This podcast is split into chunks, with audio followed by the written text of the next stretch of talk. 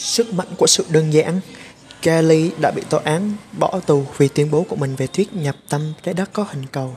Lý do chủ yếu vì quan điểm đó trái ngược với sự truyền bá kinh thánh, đương thời một phần khác vì nó chưa có thể chứng minh được theo kinh nghiệm thời điểm ấy.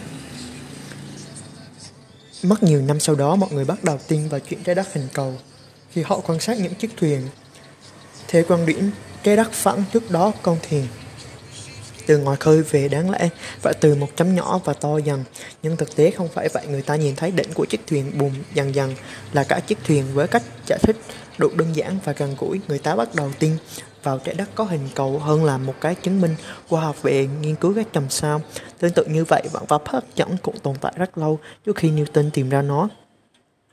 Mọi người đều biết về câu chuyện ông ngồi dưới gốc cây, bị táo rơi trúng đầu. Việc đơn giản là quả táo rơi đã giúp ông tạo ra những nền móng đã làm thay đổi nền văn hóa khoa học và vật lý hiện tại. Điểm chung của hai câu chuyện này là cách giải thích đơn giản khiến nhiều khác dễ tiếp thu cho dù đó là thiên tài hay số đông người dân.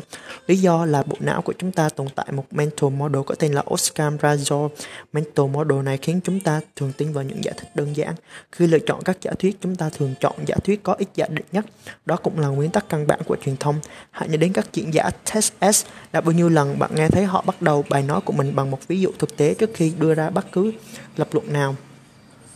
Những ví dụ và sự đơn giản cũng trở thành một nguyên tắc trong thiết kế. Chúng ta đừng nghe nhiều với symbolity trả mấy hiểu về nó. Ripple đầy rã những suốt hình đơn giản để mắt, mát lòng người xem cách sản phẩm thực tế vẫn tiếp tục phức tạp trong khá bình thường.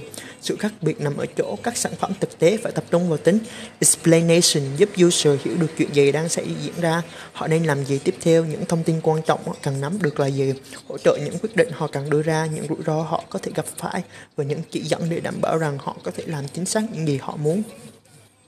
Sau toàn bộ những điều đó thì tính display mới dần được xét đến do vậy trong thực tế việc kiến thiết kế đơn giản là cực kỳ khó khăn khó khăn nhưng vẫn làm được. Airbot có thể đơn giản hóa thiết kế tới mức loại bỏ các những phím bấm căn bản nhất của tai nghe, tăng giảm volume và tạm dừng.